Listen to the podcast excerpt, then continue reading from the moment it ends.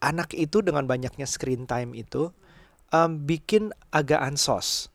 Jadi kayaknya fokus karena fokusnya ke situ, apalagi masih kecil banget, dia agak menghiraukan sekitarnya.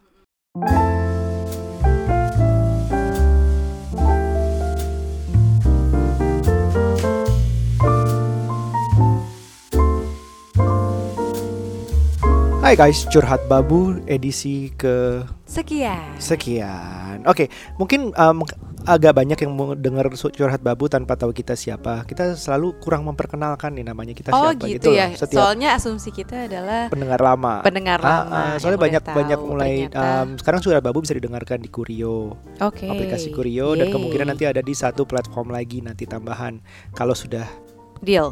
deal. Tapi terima kasih juga responnya minggu lalu tentang masalah buku. Beberapa juga ngasih respon yang asyik-asyik. Mm-mm. Ah, beberapa juga yang kayak udah generasi nggak baca buku. Mm-mm. Sesuai dengan topik kita hari ini karena kita mau ngomongin yang namanya Generation Alpha. Alpha. Podcast kita untuk yang kelima kalinya kalau nggak salah ini masih mendapat sponsor dan dukungan dari Excel Home Pow, sebuah jaringan internet fiber optik dengan harga 300.000 ribu tapi dapat kecepatan 300 megabit per second. Hokil. Mhm. Nah itu cepet banget dan bahkan lo dapat Android set top box. Eh, untuk lebih lanjut lo cek aja di lebihpow.com. Oke. Nah, itu balik lagi ke topik kita. Aku kemarin nanya Eh, di tadi dulu balik ke topik atau memperkenalkan diri dulu. Kata kamu harus Oh memperkenalkan iya. diri dulu. nggak konsisten nih. Yes. Nama kamu siapa? Aku Nucha sebagai ibu dan di sini ada baknya adalah bapak. Itu Aryo. Jadi Mbak Nucha sebagai ibu. Oke, Aryo sebagai bapak. Aduh, gitu banget ya. Kalau awal suatu film nanti Aryo Pratomo.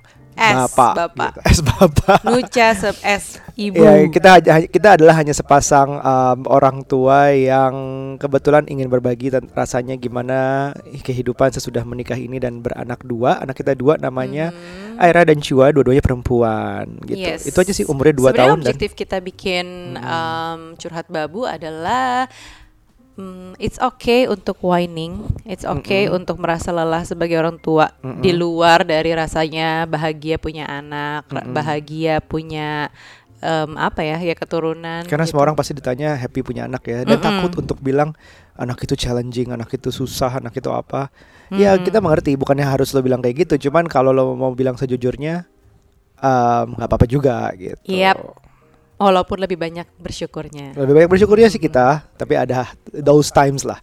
Um, anyway, hari ini kemarin tepatnya aku eh, tweet dan Insta Stories tentang Generation Alpha. Ya, Apa yang banyak lo nggak mau hasil tanya? gimana? Kalau yang di Instagram jujur aja di awal-awal sebelum makanya aku tambah penjelasan-penjelasan tambahan itu karena em, ada yang nanya apa itu Generation Alpha Oh wow, gitu. Jadi ya. nih em, aku lihat jawabannya semuanya. Jadi di awal-awal tuh pengertiannya tuh ada yang nanya pengertiannya. Terus I don't know what is it. Ada yang nanya kayak gitu. It- Itu umur berapa segala macam. Mm-mm. Nah itu ya itu ada dua tiga yang kayak gitulah. Tapi ada kebanyakan masih cukup mengerti juga akhirnya. Karena aku kasih beberapa stories lagi yang menjelaskan. Jadi Generation Alpha itu yang lahir mulai dari 2010 sampai 2025.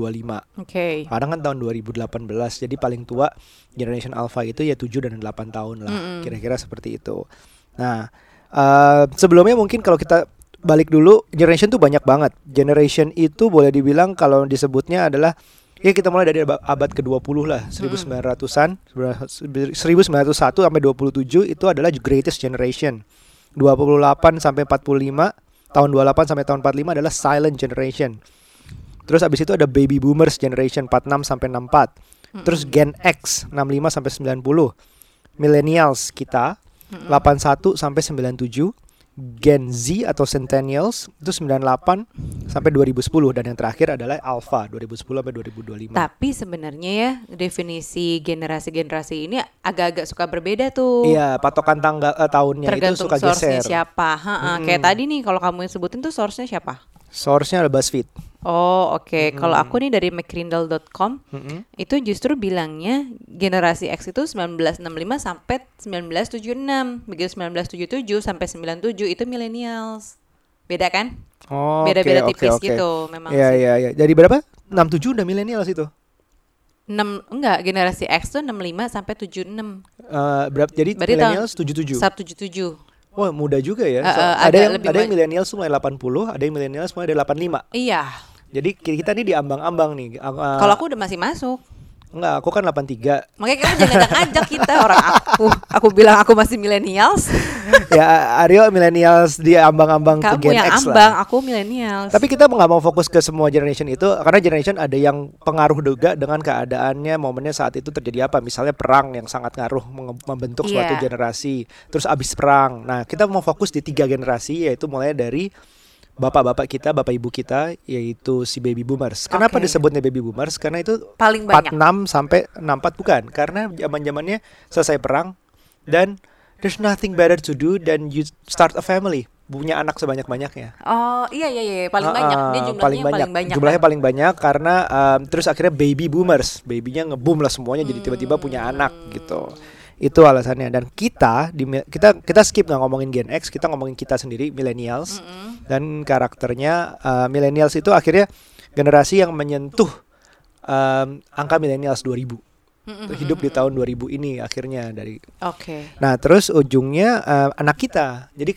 orang kakeknya, kitanya dan anak kita Yap. gitu.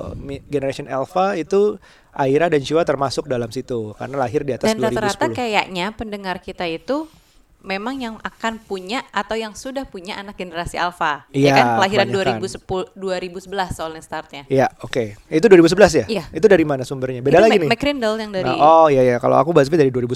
Ya tapi beda tipis lah beda, 10 seta- 11 beda lah. setahun Ah, ah, doang. Intinya pokoknya dari tahun 2010 sampai sekarang.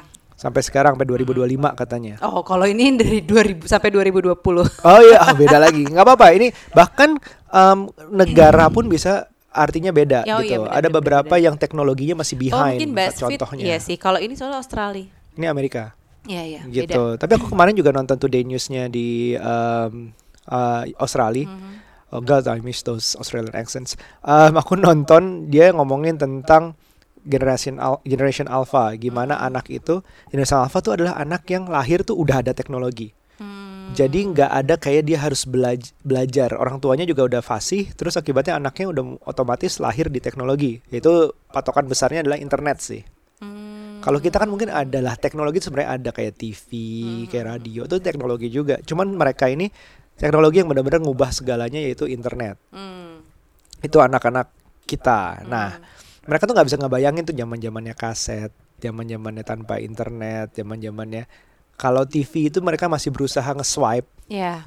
karena dipikirnya eh, hidup awal dasarnya itu dari handphone atau iPad gitu pertama kali ngeliat. TV itu masih coba tuh akhirnya pernah tuh ke TV terus mau ini ditunjuk swipe terus ya? di swipe oh, nggak bisa nggak bisa gitu. Jadi eh, itu beberapa yang anak-anak lakukan. Mungkin nanti ke depannya mereka bahkan ah, kalau nggak salah tuh anak-anak muda sekarang tuh banyak yang kerja nggak pakai mouse. Oh udah, iya? udah lebih jago pakai trackpad. Bahkan anak desain tuh lebih jago pakai trackpad nanti bayangin ke depan anak kita seperti Oh apa ya? Iya. Kita masih pakai mouse, Bab. Mouse tuh enak banget Siap-siap aja Nah itu makanya kayak Apple bikin trackpadnya makin lama makin gede Itu tujuannya tuh kayak gitu Karena mereka Oh. berusaha mengerti ke depannya akan seperti apa Wah gila sih kalau buat gue yang gaptek gini ketinggalan banget nih Iya. nanti sama anak-anak ya gak sih? Iya trackpad kan udah kayak gesturenya bisa empat jari, lima jari segala macam itu Di satu di sisi kadang aku suka eh, lelah hayati gitu loh untuk eh, ngajarin mamaku pakai handphone. Walaupun di sekarang udah bisa nih lama-lama tadinya nggak bisa kan dari Iya, yang iya, cuma iya. bisanya nelpon doang tuh handphone. Iya. SMS, abis itu upgrade ke BBM, abis itu upgrade lagi sekarang jadi apa WhatsApp gitu ya, Iya dan bisa main Instagram, bisa main eh, Facebook. Ntar lama-lama kita yang diajarin sama anak kita kayak gitu Iya ya kan? betul. Dari dari generasi ke generasi, generasi lebih baru itu dianggap generasi lebih pinter dan lebih kaya. Kebayang sih. Angkatan Kebayang. kita aja banyak yang pinter kan, Bab. Iya. Maksudnya eh, ya lumayan lah mayoritas orang-orang pinter gitu kan. betul, betul. Apalagi ngeliatin anak-anak zaman sekarang juga emang cara cara berbahasa, cara bermainnya emang pinter banget sih. Iya, dengan uh, multiple language dari kecil udah Iya. diajarin um, Bilingual gitu ya. bilingual, Inggrisnya udah langsung Udah bagus jago segala banget. macam terus ditambah kalau Inggrisnya udah bagus, Indonesia udah bagus, nanti SD udah belajar bahasa ketiga segala Bahkan macam. TK udah ada loh yang Mandarin. Udah ada ya? Udah, udah, Oh, udah. iya, iya, Di iya. sekolah situ yang itu. itu pin- akan jadi pinter banget. Akan generasi ke generasi yang bawah itu akan lagi lebih pinter dan um, otomatis katanya nih generation alpha ini Hmm. adalah ge- generasi terpintar yang akan pernah ada jauh dari segalanya dari Wow. sebelum-sebelumnya. Tapi nanti ada gitu. generasi berikutnya anak-anak mereka Nggak lebih tahu. pintar lagi kan? Nah nggak tahu itu kan uh, mereka belum set nama untuk generation alpha. Aku pikir yang terakhir udah Z aja tuh kan centennials tuh gen, Gen Z. Nah kenapa disebut sekarang alpha karena pertama ada riset abjadnya jadi A lagi. Terus kedua dia adalah generasi pertama yang lahir di abad ke 21 Hmm. Yang full du- kalau generasi Z tuh ada yang masih kayak 90 berapa lahir tuh masih Z. Ya ini kalau ini yang sekarang full lahir abad 21. Out of topic sih. Lucu juga ya buat orang-orang yang udah punya anak eh, kelahiran tahun 2010 ke sini namanya Alpha udah pas gitu Udah loh. pas. Iya, padahal Alpha tuh banyak yang angkatan kita loh namanya Alpha enggak ya? Enggak, aku taunya Alfamart. Oke. Enggak disponsorin. jadi ini menariknya karena jadi aku ngelihatnya sih em, pinter ini suatu plus point. Bagus dong anaknya pinter, bagus, Bagus banget sih. karena dari kecil juga em, di pertama hal paling ngaruh buat pinternya itu adalah teknologi. Dia bisa belajar bahasa tiba-tiba sendiri. Akhirnya alhamdulillah sih lebih lumayan ba- bahasa Inggrisnya. Padahal kita ngomongnya bahasa Indonesia itu sebagian besar dari teknologi. Mm-mm. Kita berusaha eh, ngikutin yang orang bilang bahwa udah bahasa Indonesia dulu nanti di umur tiga biar dia nggak bingung kalau orang Iya. tuanya pakai mix dia bisa bingung telat ngomong ya udah kita nggak tahu itu benar apa enggak tapi kita ngikutin aja bahwa kita pakai bahasa Indonesia dulu aja Iya. nah tapi pelan-pelan Aira tuh udah agak ngerti tuh kebanyakan dari YouTube Mm-mm. Nah, kita kita aku kemarin banyak nanyain di stories tuh dan Twitter kemarin banyak balik adalah fokusnya ke gadget. Mm-mm. Ah, gimana caranya anak nggak terlalu ini gadget? Gimana ah, anak ah, terus ada yang bilang udah gampang, pokoknya sebelum 2 tahun jangan kasih lihat layar. Iya. Oh, caranya adalah salah satunya orang tuanya. Benar itu semua benar sih. Ada yang bilang bahwa gadget, kamu setuju nggak kalau ga- nggak boleh lihat YouTube atau gadget sama sekali sampai umur 2 tahun misalnya? Aku idealismeku bilang kalau bisa sih gitu. Mm-mm. Tapi kenyataannya ternyata nggak bisa. Pertama, Mm. Aira itu pertama kali untuk ngelihat eh, screen adalah ketika udah mulai GTM. Aku udah kehabisan ide gimana lagi caranya biar dia mau makan. Iya. Dikasih mainan, dikasih eh, terus atau makan Diajak sambil ngomong. gendong. Eh, sampai akhirnya yang paling bikin dia akhirnya mau makan adalah dengan gadget sambil nonton. Aku tahu sih salah dan itu nggak usah ditiru ya. Jadi Hmm. Aira pertama kali nonton kalau nggak salah sekitar 8 bulanan Iya. gitu. Nah, terus dari situ ya mulai sih bisa itu masih bisa kita atur. Nggak nonton TV, nggak gadgetnya kapan, itu semua bisa kita atur. Tapi Iya. begitu dia makin besar, kita kayak kadang nggak kontrol ya. Ya secara Apalagi kita kerja juga. kita kerja di depan laptop atau pegang handphone untuk chatting dan lain-lain. Mau nggak mau sih sebenarnya itu menurun juga sih ke anak menurutku. Iya pasti salah satu cara yang paling efektif untuk menghindarkan anak dari gadget adalah menghindarkan diri sendiri atau orang tuanya. Iya, karena orang tua tuh role model. gadget. Jadi mau lo megang handphone ya anak lo mau nggak mau akan begitu juga. Lo Cum- egois banget sih kalau lo bilang lo main handphone terus anak lo nggak boleh sama sekali ya nggak bisa juga. Cuma gitu. kita juga dalam dalam hidup dalam generasi milenials yang kebanyakan kerjanya juga dari smartphone. Iya, tapi Nah. kadang aku tahu sih cara menghindari untuk supaya karena kita sempat kayak gitu kan kita ada kayak silent moment yang Aira itu nggak main gadget sama sekali. Karena Ada memang kita kayak detox. Ah, kayak detox gitu. Kita sama sekali nggak megang gadget di depan dia. Itu emang berhasil. Ternyata emang kalau kita nggak mainan handphone nggak nggak nggak chatting dan lain-lain ternyata anaknya juga nggak nyariin kok nggak nyariin gadget. Tapi terus Iya. habis itu kita gitu lagi itu Iya, masih gi- PR sih iya, buat agak, kita Agak susah sih karena um, kerjaan Nucha dan kerjaan gue itu sekitar sekitar dunia teknologi juga. Nucha startup, gue sendiri um, email-emailan tuh banyak, chatting lewat WhatsApp tuh banyak. Um, dan yang mungkin harus lebih bisa dikurangi adalah main game atau um, yang nggak penting nggak penting lah. Tapi in a way ah, ya fokus utamanya sebenarnya bukan gadget. Kita kita kita nggak kita udah pernah ya di episode beri, sel- sebelumnya kita bahas tentang gimana cara jauhin anak Iya. gadget dengan salah satu profesionalnya yaitu si mbak Ni, mbak Najila Ella, sih ah, Ah, Mbak Shihab. Najila Shihab. Dia udah bilang um, coba batasin dengan waktu, konsep waktu dia belum bisa lihat jam tapi dikasih tahu abis ini abis ini. Aira pun kadang-kadang gue kasih timer.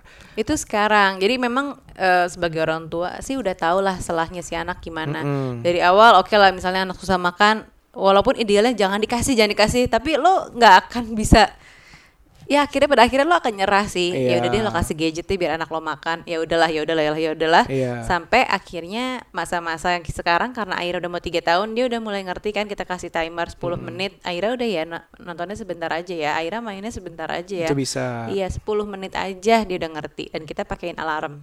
Kalau bunyi dia itu. kalau eh, kalau bunyi artinya udah. Jadi sebenarnya itu bahkan memasukkan elemen teknologi ke dalamnya dia bahwa Iya. dia harus ada bunyi alarm biar udah. Contohnya aku mulai bangunin dia pakai alarm. Karena susah banget bangun ba- ngomongin baik-baik cium. dan itu karena apa karena My Little Pony ya kan di My Little Pony ada adegan si Twilight Sparkle telat bangun karena alarmnya nggak bunyi. Nah, itu. Ah, Nah, itu dia itu inget banget dia. terus dia bangun dua hari berturut-turut bangunnya cepet banget. Oh, itu itu lucu banget sih. Akhirnya akhirnya is unavoidable bahwa dia adalah anak teknologi apalagi gue tech Iya. enthusiast. Di mana dia belajar banyak hal, banyak game, baby bus segala macam itu bikin dia tahu gempa, itu harus ngumpet bawah meja which is good in a way. Nah, itu itu yang menghasilkan anak-anak jadi lebih pintar. Em, yang mungkin harus dipahami katanya kemarin dah aku baca dari Today News Amerika Australia kalau nggak salah dia bilang em, anak itu dengan banyaknya screen time itu bukan bukan masalah mata bukan. Mata adalah kalau kalau kecapean tapi biasanya itu bukan bikin minus karena itu tapi karena udah eksesif banget. Cuman nggak sampai situ. Em, bikin agak ansos. Jadi kayaknya fokus karena fokusnya ke situ apalagi masih kecil banget dia agak menghiraukan sekitarnya.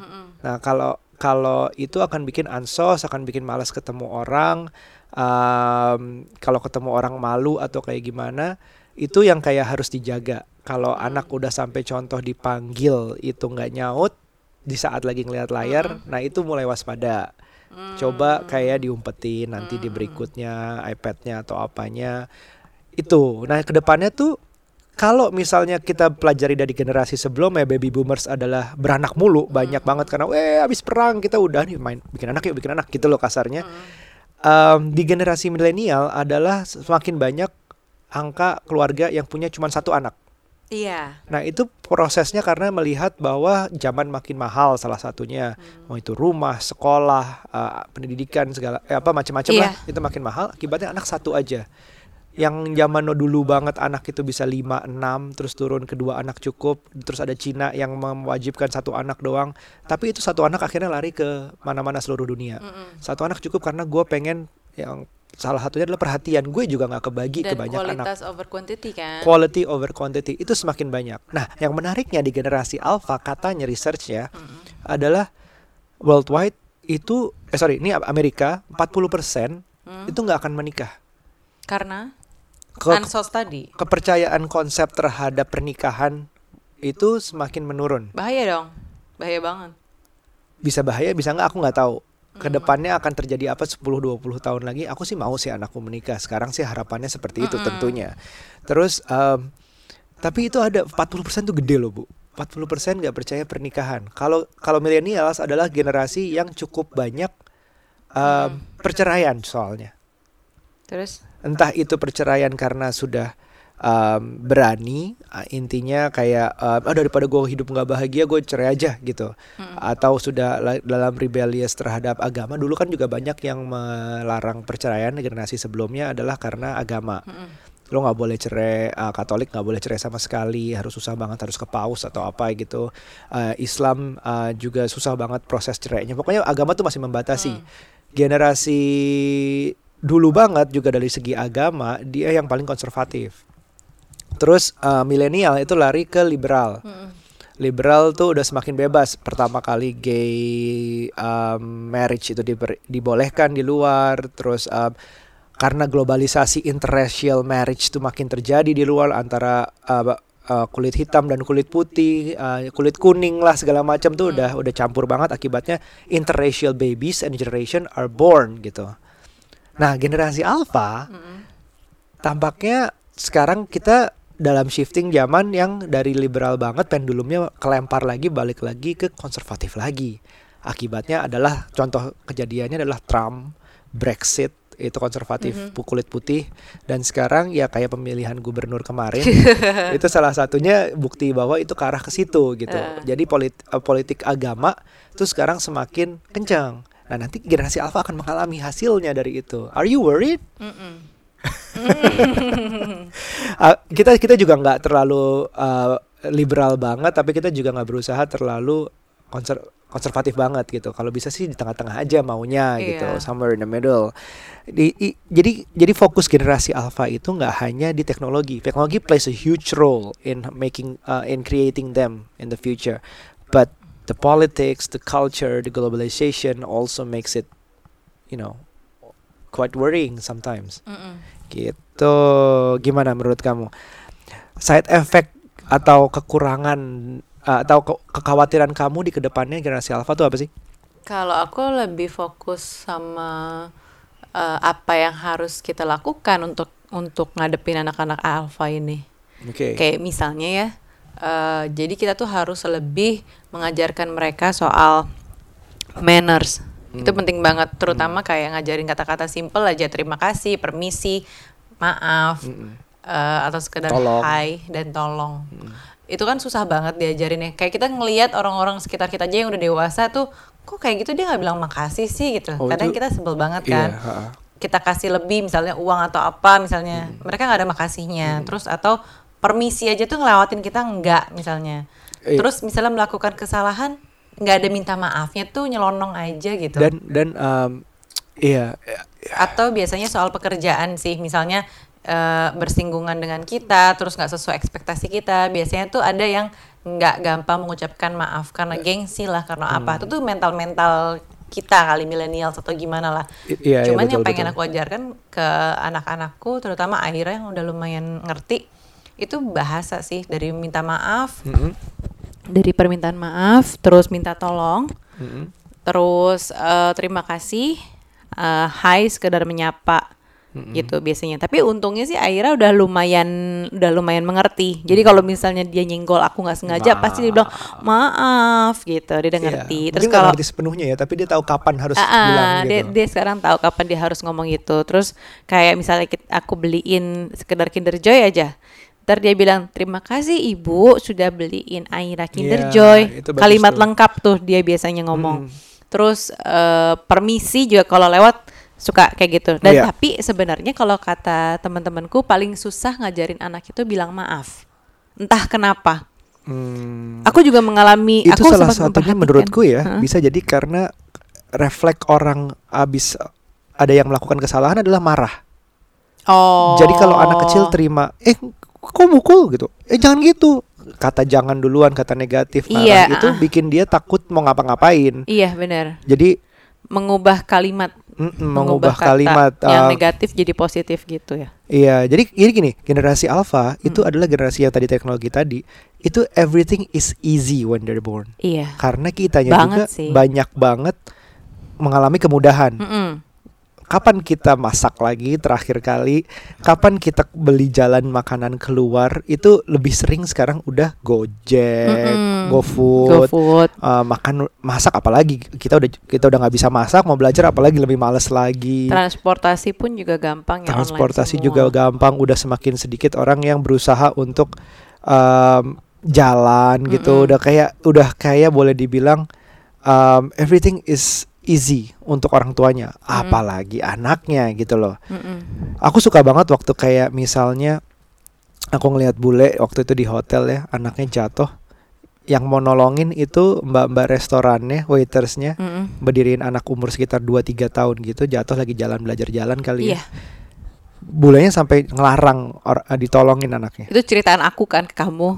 Iya aku lihat Oh, aku kamu lihat lihat aku juga. lihat di belakangmu Oh, nah iya, terus iya, di- iya. begitu dia juga minta oh iya that's that's a small mungkin itu hal kecil ya tapi Ha-ha. kalau dia mentality dari kayak gitu udah berusaha kayak uh, ngebatasin berarti ya ke- banyak banget yang dia juga jaga anak itu harus struggle sendiri Iya iya iya karena salah satu kelemahan tadi itu daya juang mereka kan rendah ya Hmm, relatif rendah banget. nih anak-anak alfa karena gampang banget Iya. semuanya. Nah memang hal-hal yang kayak gitu aku juga suka sih gaya si bule. Jadi aku pun membiasakan Aira kalau misalnya jatuh Mm-mm. atau dia misalnya kekeh mau melakukan aksi-aksi yang bahaya, aku suka biarin. Mm-mm. Ya udah Aira Aira Aira udah ibu bilangin nggak nggak nggak dengerin. Aira coba aja. Benar loncat jatuh sakit paling habis itu sakit menangis sakit gitu kan ya udah Aira tahu ya rasanya apa kalau jadi dia penting- tahu gitu rasanya daripada Iya. dilarang-larang terus kan yang bener-bener Iya. apa namanya kecuali yang berbahaya kayak misalnya listrik itu kan kayak terlalu Udah pasti, fatalnya adalah uh-uh. fatal nggak ngerti lah itu bisa Nggak- lewat nggak usah ya. dia nyobain nggak usah jadi g- mungkin generasi sebelumnya yang suka uh, familiar dengan kata-kata oh jatuh ya nakal sih mejanya nah itu kita ubah kita ubah oh jatuh ya sakit sakit nggak kalau sakit berarti tahu ya berikutnya jangan diulangin lagi berikutnya hati-hati gitu. Nah itu kita bisa ubah seperti itu. Biarkan dia kayak di tempat main, ya udah. Kalau dia main sendiri aja. Kalau dia jatuh, ya udah di, di comfort gimana kenapa jatuhnya. Cuman jangan kayak mau naik dipegangin. Itu yang selalu kita coba bilang ke mbak kita juga. Udah biarin aja. iya Tapi kalau dia jat, tapi diliatin terus gitu. Diliatin terus. Yang penting kayak gitu. Mm-mm. Nah, terus yang kedua itu kan pertama masalah bahasa ya ngajarin dia dari hal-hal simple kayak gitu. Mm-mm. Kedua masalah manners yang lain eh, ya mungkin nanti ya bagaimana caranya mereka tuh bisa behave. Mm-mm. Karena kadang eh, saking pinternya anak-anak mereka tuh bisa nggak behave di depan umum ya. Iya. Kalau di rumah mungkin dia akan lebih behave. Mm-mm. Tapi di luar misalnya ketemu dengan anak sepantaran dan lain-lain itu mungkin akan misalnya lebih chaos atau seperti apa nggak behave gitu loh.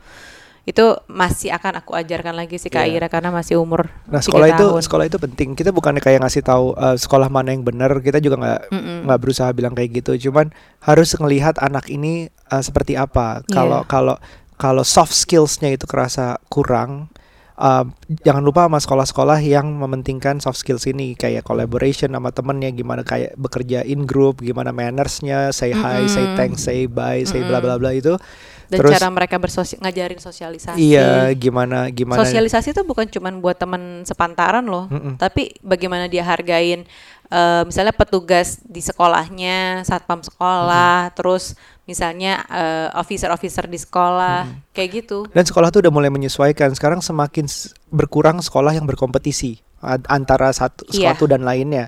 Sistem ranking tuh kalau nggak salah di Singapura udah dihilangkan. Mm-mm. Terus di Montes sini juga lumayan ada banyak. beberapa yang udah Kecuali mulai sekolah hilang negeri, ya. sekolah negeri masih ranking sekolah negeri tuh. masih Tapi sekolah swasta yang jadi inceran kita sih sebenarnya udah pada nggak pakai sistem itu. nggak dibandingkan dengan temannya, tapi kayak ada ada penentu penentunya tetap bahwa dia tuh berhasil belajar sesuatu apa enggak tuh ada. Angka tuh a- bukan angka ya apa grading system tuh ada cuman bukan kompetisi dibandingkan dengan lainnya. Iya. dan kayak Montessori pun um, kan ada jarak ada satu kelas itu jaraknya nggak satu umur kan? Nggak satu umur nggak satu tahun. jadi bisa sa- bisa sampai tiga tahun kalau nggak salah. Dua tahun tiga Hmm. tahun gitu dalam satu kelas. Jadi um, ada Montessori ada IB ada IBPYP Mm-mm. itu jenis-jenis kurikulum yang ke depannya akan kayak semen, uh, mencocokkan dengan generasi alpha. Ini akan seperti apa? Yang disayangkan mungkin ya itu sekolah negeri kali ya yang belum bisa menyesuaikan padahal ke depan akan seperti apa tapi anak-anaknya masih pada pakai ranking-ranking ini nih ya itu Iya. PR buat eh, Kementerian Pendidikan sih sebenarnya ya itu masih masih mungkin panjang ya kita nggak berusaha kasih tahu yang benar tapi Mm-mm. generasi alpha nih harus harus diwaspadai dan benar-benar harus mengubah sistem pendidikan sih nggak bisa nggak bisa duduk di kelas eh, di rankingin lagi diadu terus apalagi ada guru-guru yang masih suka menjatuhkan di depan umum kok nggak bisa dimarahin di depan umum dibikin segala malu macam. bikin malu itu atau ngasih julukan label-label negatif ke anak itu sebenarnya bikin anak jadi rendah diri anak itu jadi apa namanya nggak berani nyoba nggak lagi berani nyoba lagi Mm-mm, takut salah segala minder. macam Itu minder efek-efeknya kayak Mm, gitu ka- ka- coba contoh mengubah bahasa tuh kemarin postingan kamu seperti apa Iya tuh eh, postingan parent talk Ah, ah. rame bet.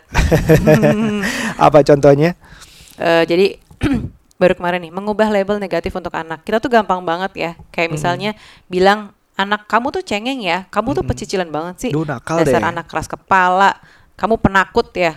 Ih, kamu berisik banget, kamu nakal. Itu sering banget terjadi. Mm-mm. Terus kita coba untuk mengubah mengubah label itu jadi lebih negatif. Kayak misalnya kalimat eh, kamu cengeng ya gitu. Itu jadi lebih ke kamu ekspresif banget deh. Kayak gitu. Iya. Terus kayak misalnya kamu pecicilan. Wih, energetik banget. Tenaganya banyak ya. Iya, iya, gitu. iya, iya. Terus eh, misalnya kamu berisik gitu. Jadi berubah diubah jadi kayak eh, kamu bersemangat banget sih kayak gitu loh. Iya. Memang anak-anak itu nggak gampang mencerna kalimat-kalimat positif ini, ah. tapi kan mereka akan terbiasa dengan itu. Sama halnya dengan kalimat negatif. Emang mereka awalnya ngerti kan nggak Iya. juga, tergantung gimana kita ngomongnya kan. Dan keadaannya memang kita mengerti kalau uh, kita latah. Misalnya suatu saat Iya, marah atau apa, keceplosan sih wajar lah. Cuman ini pengingat-pengingat aja bahwa baik baiknya kalau bisa itu mengajarkan kita juga untuk kontrol sih, kontrol diri sendiri dan berusaha ujungnya kita bisa kontrol anak. Iya, Itu, betul. itu itu yang penting banget orang tua bisa tahu kontrol anaknya segimana, anak yang kontrol dirinya untuk nggak marah, ajak sabaran Hmm. tuh itu itu itu proses lah. Terus kalau untuk yang ketiga, poin ketiga, tadi kan Hmm. baru dua tuh. Yang ketiga tuh yang akan aku ajarkan ke Aira lebih dalam adalah soal agama. Ya ya ya ya. Ya kan, generasi alpha takutnya saking pinternya, dia lebih percaya dengan hal-hal yang logis dan hal-hal saintifik gitu. Hmm. Padahal dasarnya agama tuh perlu banget. Iya. Gitu. Tapi kalau aku worriednya adalah agama yang yang kayak gimana? Iya, ini kalau Aryo emang kita emang masih berdebat soal agama. Aku kan agak worried ngelihat Aryo agama tuh, di luar itu uh-uh. seperti apa adanya sekarang. Uh, uh, tapi agama penting tetap aku akuin agama penting tuh ketuhanan itu penting bahwa adanya Tuhan yang mengatur segalanya. Iya. Um, itu aku masih percaya itu. Cuman harus dijagain juga kayak semua everything that he or she consumes anak kita consumes itu harus dijagain sama orang Mm-mm, tuanya. mm-mm. Dan kayak di yang kita pun atau mungkin gue lebih mencari sekolah yang eh, porsi agamanya lumayan Yang besar. ada ya. gitu selain masalah yang tadi sosialisasi dan lain-lain Eh, di pikiran aku aku ingin anakku tuh sekolahnya eh, apa ya lebih lebih lebih ke pendidikan karakternya dia Iya, iya. sama soal agama Berarti agak soft skill daripada hard skill ya. Jadi Iya. kayak bisa matematiknya harus bagus, ya sainsnya gitu. uh, itu karena kebayang nggak sih sebenarnya apa yang kita pelajari pada saat kita SMP SMA belum tentu itu teraplikasi pada saat kita kerja kayak Mm-mm. misalnya aku nih aku tuh dulu SMA anak IPA Iya. belajar biologi fisika dan lain-lain Iya. Emang sekali tujuanku sebenarnya kenapa aku masuk di situ adalah dok pengen jadi dokter Pengen jadi gigi. dokter gigi, iya. Udah lulus tapi akhirnya udah udah masuk dokter gigi tapi akhirnya kan aku nggak ngambil di situ akhirnya Ah, jurusannya. ah, Justru ah. aku ngambil ke HI hubungan internasional.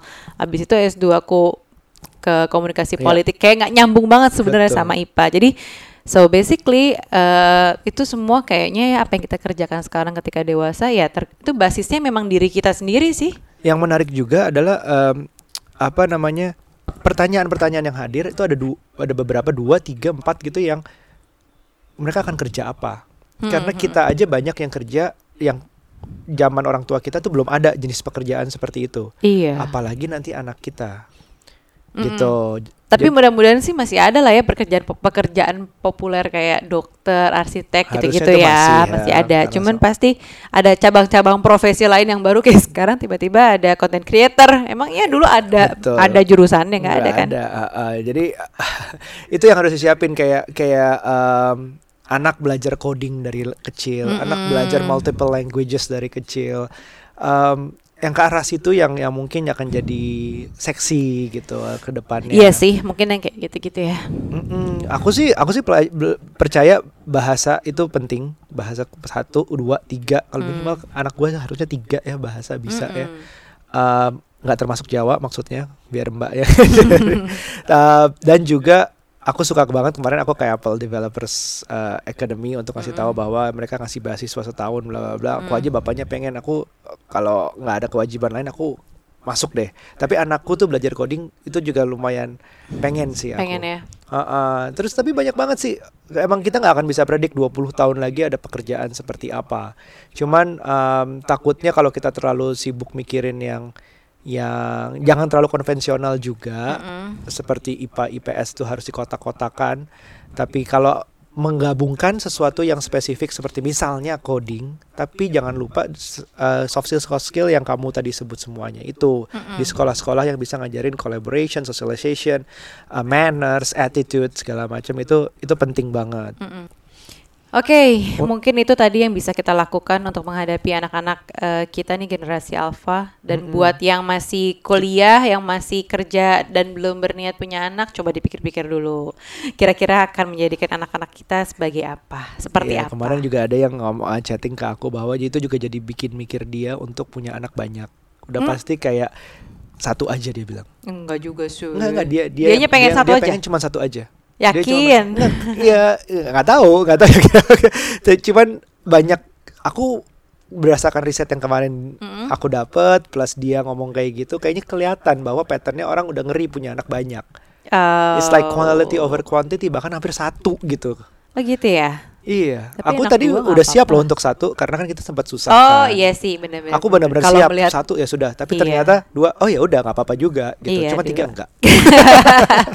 nggak tahu juga ya. Ntar katanya jadi tiga juga gimana? Aduh, aduh, aduh, aduh, aduh, aduh. Kalau jadi tiga. Ya udah, eh, tiga berarti di sekolah negeri sekolah negeri tiga tiganya. yang di ranking-rankingkan itu. iya, eh, padahal aku juga anak negeri loh dari dulu. Kamu Iya. juga ya? Nah, karena emang aku bilang sih masih cocok aja sama generasi kita. Oh iya benar benar benar. benar. Sama Gitu. Generasi bilang masih Kita- cocok ya sebenarnya. Aku bersyukur aku ada negerinya. Kalau nggak akan ngerasain Iya, semua ya. terlalu gampang. Cuman aku pengen masukin anakku ke negeri, tapi kok kualitas negeri takutnya sekarang kayak nggak menyesuaikan sama zaman gitu loh. Iya sih masih ranking gitu Ah, ya. ah, masih ranking, masih Masih ada reward and masih punishment juga reward and kan. punishment dari guru-gurunya itu aku masih agak ngeri di situ. Iya benar-benar. Mungkin tapi kita butuh dulu gitu.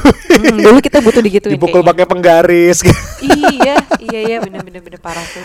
Oke, thank you banget pertanyaan-pertanyaannya.